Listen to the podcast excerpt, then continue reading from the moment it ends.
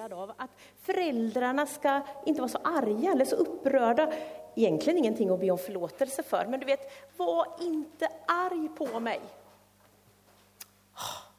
Ja, förlåt då.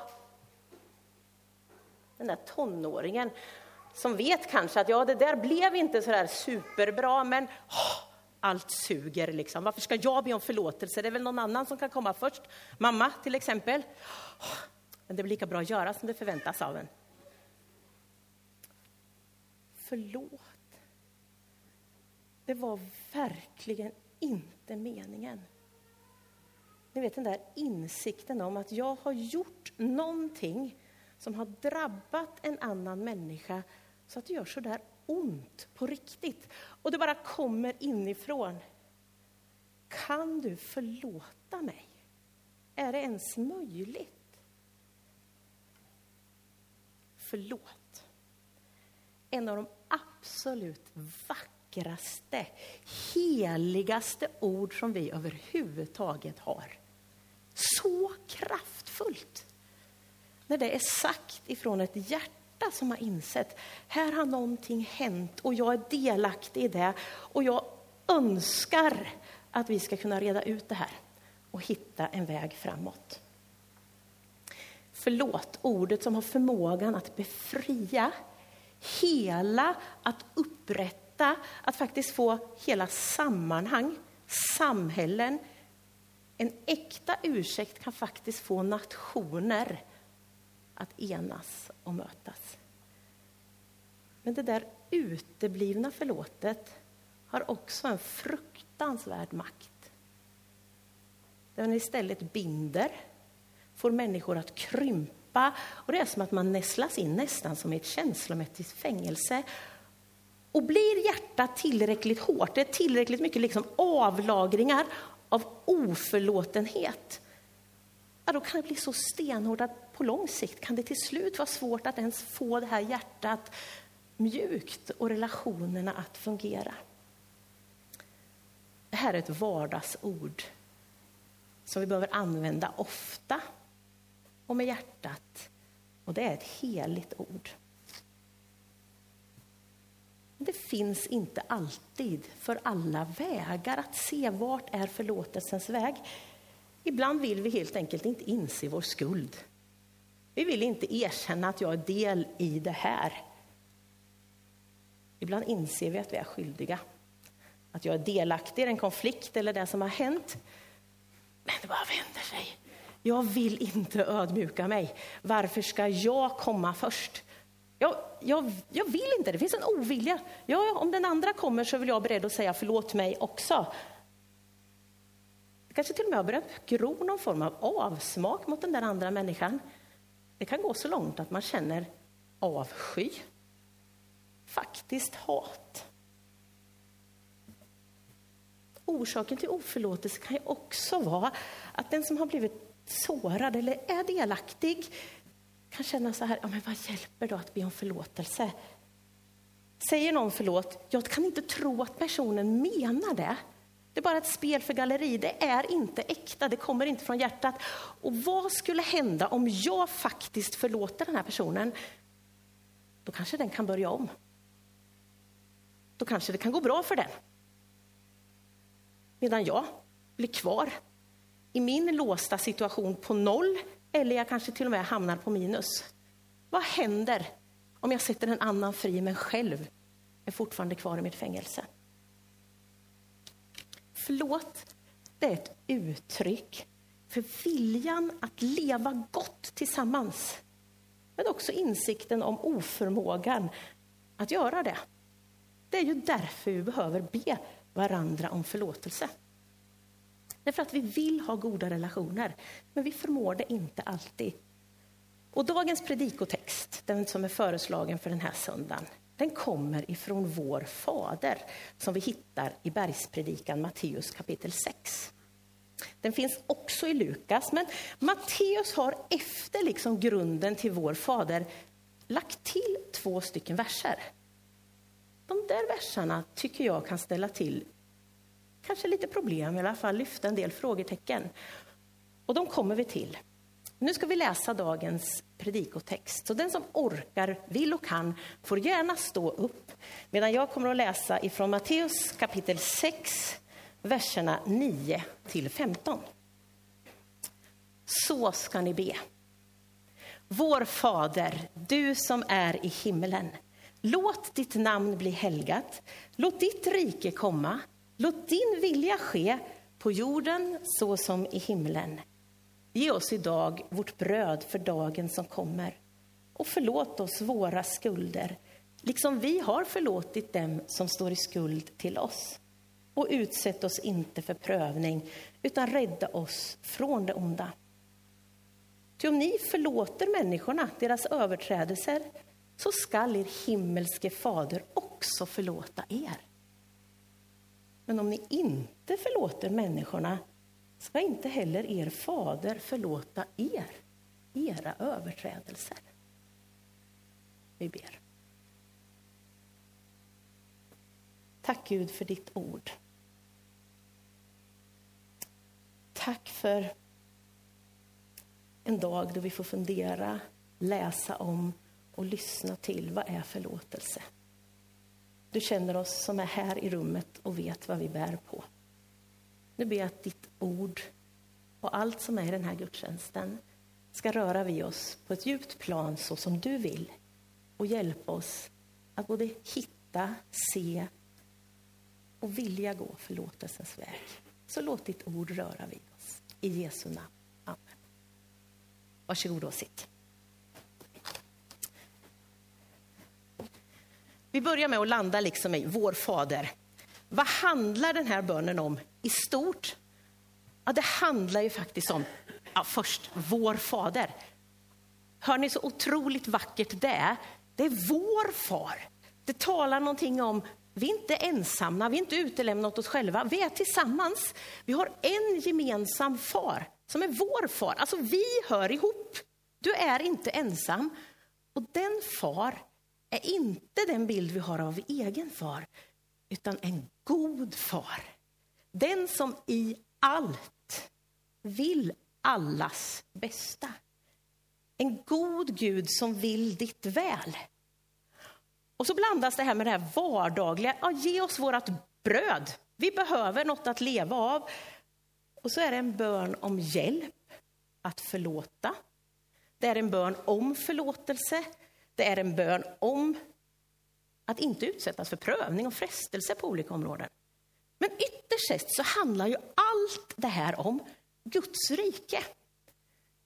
För vi vänder oss ju till Gud och så ber vi, låt ditt rike komma, låt din vilja ske så som det sker i himlen, också här på jorden. Och mitt i det här kommer det en bön om förlåtelse. Alltså det handlar om Guds rike. Ett sätt att vara, att leva, att förhålla sig till varandra där Guds principer råder. Och där är bönen om förlåtelse superviktig. Det är en grundbult för hur det är i Guds rike. Och en vägledning till hur vi behöver öva oss i att leva i förlåtelse här och nu. Men hur var det där i slutet? Bönen känner vi till, kan den många av oss utan till. Men de där extra tillägget på något sätt som det kändes som Matteus hade lagt, ja, Andemeningen finns faktiskt på fler ställen i Nya Testamentet och Jesus kommer till det i flera av sina liknelser. Till om ni inte förlåter, till om ni förlåter människorna deras överträdelser ska himmelske fader också förlåta er. Det är ju enkelt, det är ganska gött. Vi förlåter och vi får förlåtelse. Men om ni inte förlåter människorna ska inte heller er far förlåta er era överträdelser. Det känns ju här och verkar som att förlåtelsen mellan människor är ett villkor för Guds förlåtelse. Då är det väl ingen förlåtelse utan gräns? Kan det verkligen vara så, säger och menar Jesus, att den människa som själv inte kan förlåta har ställt sig utanför Guds förlåtelse? Ja, men I så fall så tycks ju den här förlåtelsens gräns finnas i människans egen oförsonlighet. hos den som gärna tar emot förlåtelse men som inte kan ge den till andra. Här verkar det faktiskt som att Jesus på något sätt sätter en gräns. Att vi behöver förlåta varandra. Och den förlåtelse som då är utan gräns, ja, den kan vi faktiskt få erfara. För den kopplar vi ihop med Gud själv och vem Gud är. Och när vi har fått erfara den så kommer det också finnas en möjlighet för oss att kunna ge den vidare till människor i vårt samhälle. Vilket är en otrolig nödvändighet idag. I våra familjer, i våra klasser, i Tranås kommun, i Sverige som rike, nationer emellan.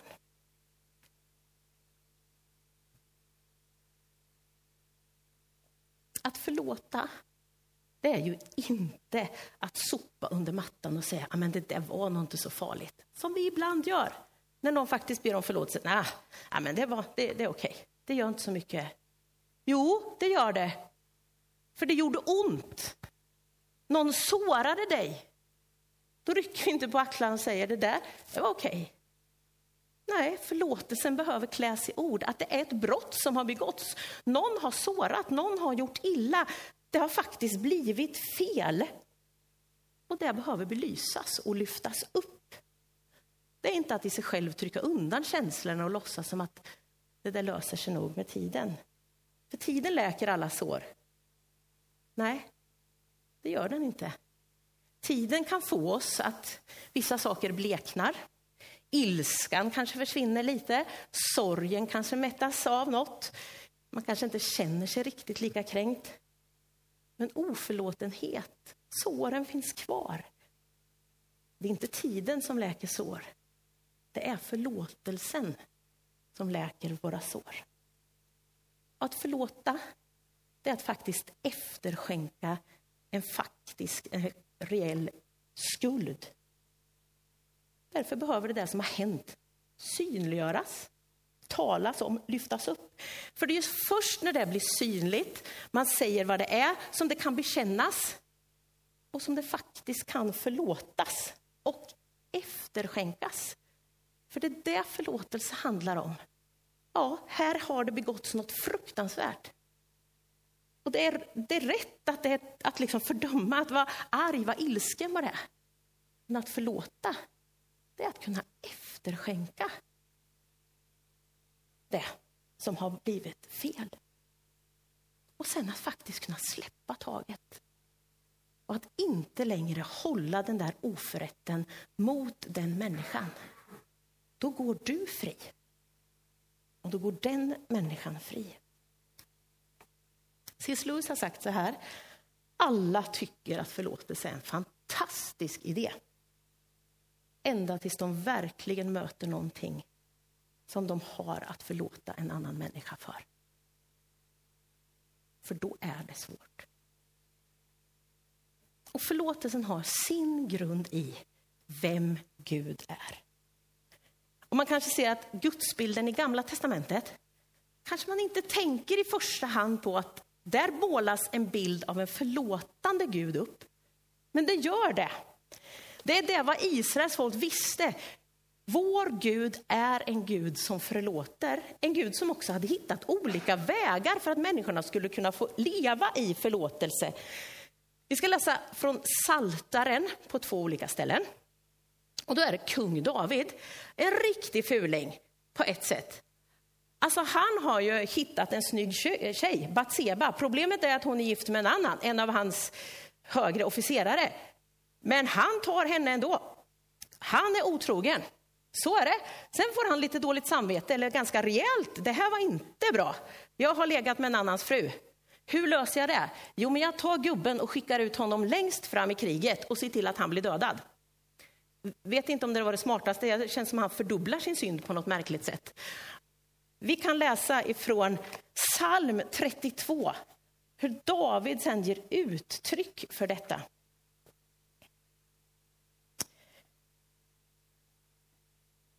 Lycklig den vars skuld har avskrivits av Herren och vars sinne är utan svek. Så länge jag teg, alltså inte bekände sin synd, så tynade jag bort. Jag jämrade mig dagen lång, dag och natt låg din hand tung på mig. Jag blev som en åker i sommarens torka. Då erkände jag min synd för dig. Jag dolde inte min skuld. Jag sa, jag vill bekänna mina brott för Herren.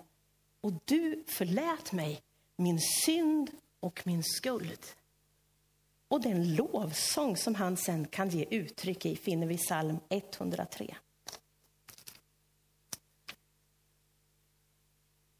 Lova Herren min själ. Minns allt det goda han gör.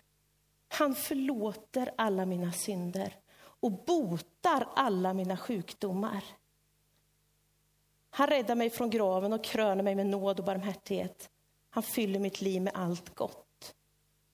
Så långt som öster är från väster, så långt från oss förvisar han vår synd.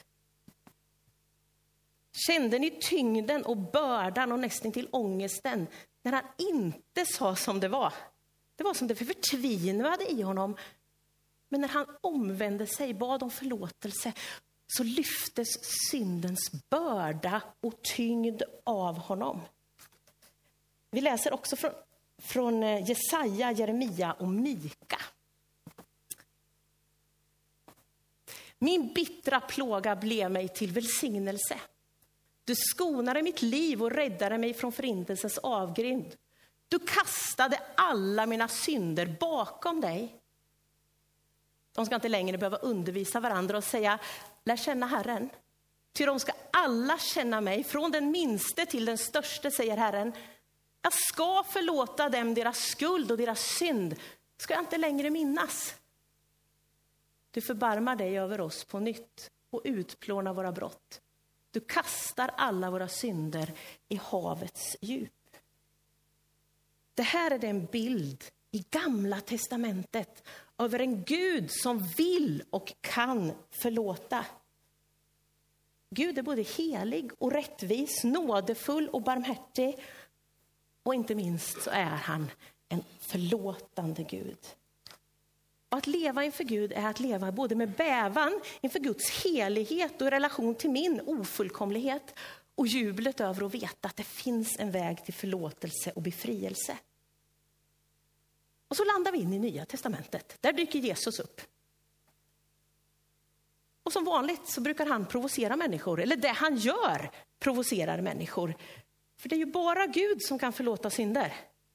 Men här går Jesus runt, möter en massa människor som är i behov av helande, upprättelse och förlåtelse på en rad olika punkter i sitt liv. Utan kulter, utan rit, utan offer som var förutsättningen i Gamla testamentet, så förlåter Jesus människor deras synder. Inte i templet, inte i synagogan, nej, det är på gatan, det är vid brunnen, det är där människor är och behöver få sina liv förlåtna och upprättade. Är han slätstruken och säger det där är inte så farligt? Nej, vi känner igen orden gå och synda inte mer. Det där är inte okej. Okay. Lev på ett annat sätt. Men det finns ett annat sätt och en annan väg att vandra på. Och tror man inte på Gud så är inte meningen att tala om Guds förlåtelse speciellt meningsfullt. Men då kan förlåtelse vara en enorm kraft på ett psykologiskt plan mellan oss människor. Det hjälper oss att klara av att leva i relation till varandra här på den här jorden. För förlåtelsen har i sig själv en stor kraft. Guds förlåtelse är dock urbilden mönstret för all förlåtelse. Fader, förlåt dem. För de vet inte vad de gör. På korset ber Jesus inte för sig själv. Han ber för den värld som Gud sedan tidernas begynnelse älskar och alltjämt älskar. Han ber för dig. Och han ber för mig. Han ber för all oförsonlighet. För krigsdrabbade, för misshandlare, för missbruk av jordens resurser, för de som hatar och de som hämnas. Han ber för att världen genom den försoning som nu kommer ske ska helas. Och det här är inte så enkelt att liksom helt bara förstå, greppa med sitt förstånd eller kunna räkna ut. Hur kan det där som händer på korset när Jesus dör och uppstår, hur kan det påverka världens försoning, förlåtelse? Ja, det är inte bara teorier som man ska på något sätt få, få ihop. Men det är en realitet som man som människa kan få erfara. Precis som kung David. Att mina synder, hur blodröda, och eländiga och tokiga de är, de kan förlåtas och de kan befrias. Och när man har fått den erfarenheten av att jag är faktiskt förlåten, ja, då får du mod att resa dig upp där du är i ditt liv. Att gå rakryggad framtidens till mötes, för du vet att du har blivit förlåten. Insikten om att du är förlåten, det ger dig också mod och kraft att vända dig till den som du har sårat. Som ditt beteende eller din icke-handlande ditt icke-handlande har gjort att en annan människa har drabbats hårt. När du har fått mycket förlåtet kan du vända dig till den och be om förlåtelse. Och du får mod och kraft att faktiskt förlåta den som i djupet har sårat och handlat orätt mot dig. Den förlåtelse som är utan gräns, den räcker Gud oss. Genom det som hände på korset när Jesus dog och när Jesus uppstod. Och jag tror inte för en sekund att den bönen Jesus bad var enkel. Han hänger där. Krafterna rinner ur honom. Han vet att han är oskyldig. Men det här ska han göra därför att världen ska försonas och förlåtelse ska kunna givas i alla tider till mänskligheten. Det är med ansträngning, torr mun, när livet lämnar honom som han säger Fader förlåt dem. Och där och då öppnas vägen också för oss. Men när det finns något som en människa faktiskt har gjort, som vi säger i vår mänsklighet, ja men det där är oförlåtligt. Hur gör jag då? När jag har mött det, eller när vi i världen ser det här gärningar som är helt, alltså det är inte bara omänskligt, det är, det, går det här att överhuvudtaget förlåta? Ja, då kanske vi får börja där. Att gå till korset, att blicka upp till Jesus, krypa ihop där och så säga med all vår sårighet och all vår ovilja att förlåta, för så kan det också vara på grund av det brott som begåtts. Jesus, jag kan inte. Jag kan inte. Kan du be den här bönen för mig? Och så får jag på något sätt kliva in och ställa mig där i den förlåtelse som Jesus har gett till oss och be om hjälp att förlåta det som jag inte kan. Då har du börjat ta steg i riktning mot förlåtelse. Och ditt hjärta behöver inte bli hårt, för du har sett och börjat gå på förlåtelsens väg. Och till, helt till avslutning så skulle jag vilja, om en liten, liten stund, vänta lite Pekka, visa ett filmklipp. Det är en berättelse om en kvinna som överlevde koncentrationslägret i Ravensbrück. Hennes pappa var eh, urmakare, klockmakare, juvelerare, en holländsk familj som eh, gömde judar utanför Amsterdam under andra världskriget. 1944 så får Gestapo reda på vad som försiggick i det här hemmet. Hela familjen blir fängslad. Pappan dör strax därefter. En kvinna som heter Corrie ten Boom, som du säkert har hört talas om. Om inte annat rekommenderar jag dig att läsa böcker om henne. Hon och hennes syster Betsy skickas till koncentrationslägret i Ravensbrück i Tyskland. 44. Inte så långt innan det här koncentrationslägret öppnas så dörs Betsy.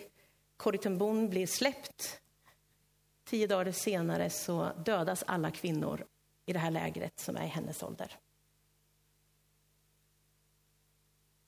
Och hon ägnade resten av sitt liv att resa runt och tala om Guds kärlek, och om Guds eh, gränslösa förlåtelse. Så vid ett tillfälle så är hon i Tyskland, i en kyrka. Och så ser hon att det reser sig en man och kommer upp emot henne. Och hon känner igen honom. För det är en av fängelsevakterna, en av bödlarna. Och hon minns för sitt inre hur hon hade fått gå naken framför honom. Hur han hade hånat, hur grym han hade varit. Hon minns hur hennes syster hade dött i detta läger. Och så kommer han fram till henne. Han känner inte igen henne, men han säger så här. Corrie ten Boom, jag har fått möta Jesus och Guds förlåtelse. Och jag har bett till Gud om nåden och ett tillfälle att få möta ett av offren från det här koncentrationslägret jag varit i och be om förlåtelse. Och så räcker han fram handen och så säger han, Freuland Corritenbon, kan du förlåta mig? Och allt hon känner är hat, avsky och kyla. Och nu får ni lyssna till hennes röst, vad det är hon säger. one of my very victims for forgiveness. Fräulein ten Boom, once you were forgiven, will you forgive me? And I could not. I remembered the suffering of my dying sister through him. But I was not able, I could not, I could only hate him. And then I said, Thank you, Jesus, that you have brought into my heart God's love through the Holy Spirit who is given to me. And thank you, Father, that your love is stronger than my hatred and unforgiveness. That same moment, I was free. And I could say, Brother, give me your hand. And I shook hands with him. And it was as if I felt God's love stream through my arms. You never touch so the ocean of God's love as that you forgive your enemies. Can you forgive? No. I can't either. But he can. this total, unlimited forgiveness. Låt oss be. Gud, vi kan inte i oss själva förlåta allt. Men tack Jesus att du genom att dö och uppstå inte bara tog våra synder, våra oförmågor, våra brott mot mänskligheten, mot din skapelse på dig, utan du visade också vägen till förlåtelse och upprättelse, till att själva bli fria och till att sätta andra fria. Tack för vittnesbördet från Corridenbom. Att det vi själva inte förmår, det kan du genom din kärlek, genom din förlåtelse och din heliga Ande göra i oss. Hjälp oss i vår oförmåga att förlåta att ta emot så mycket förlåtelse från dig så att vi kan stå i försoning och förlåtelsens tjänst och förlåta dem oss skyldiga är.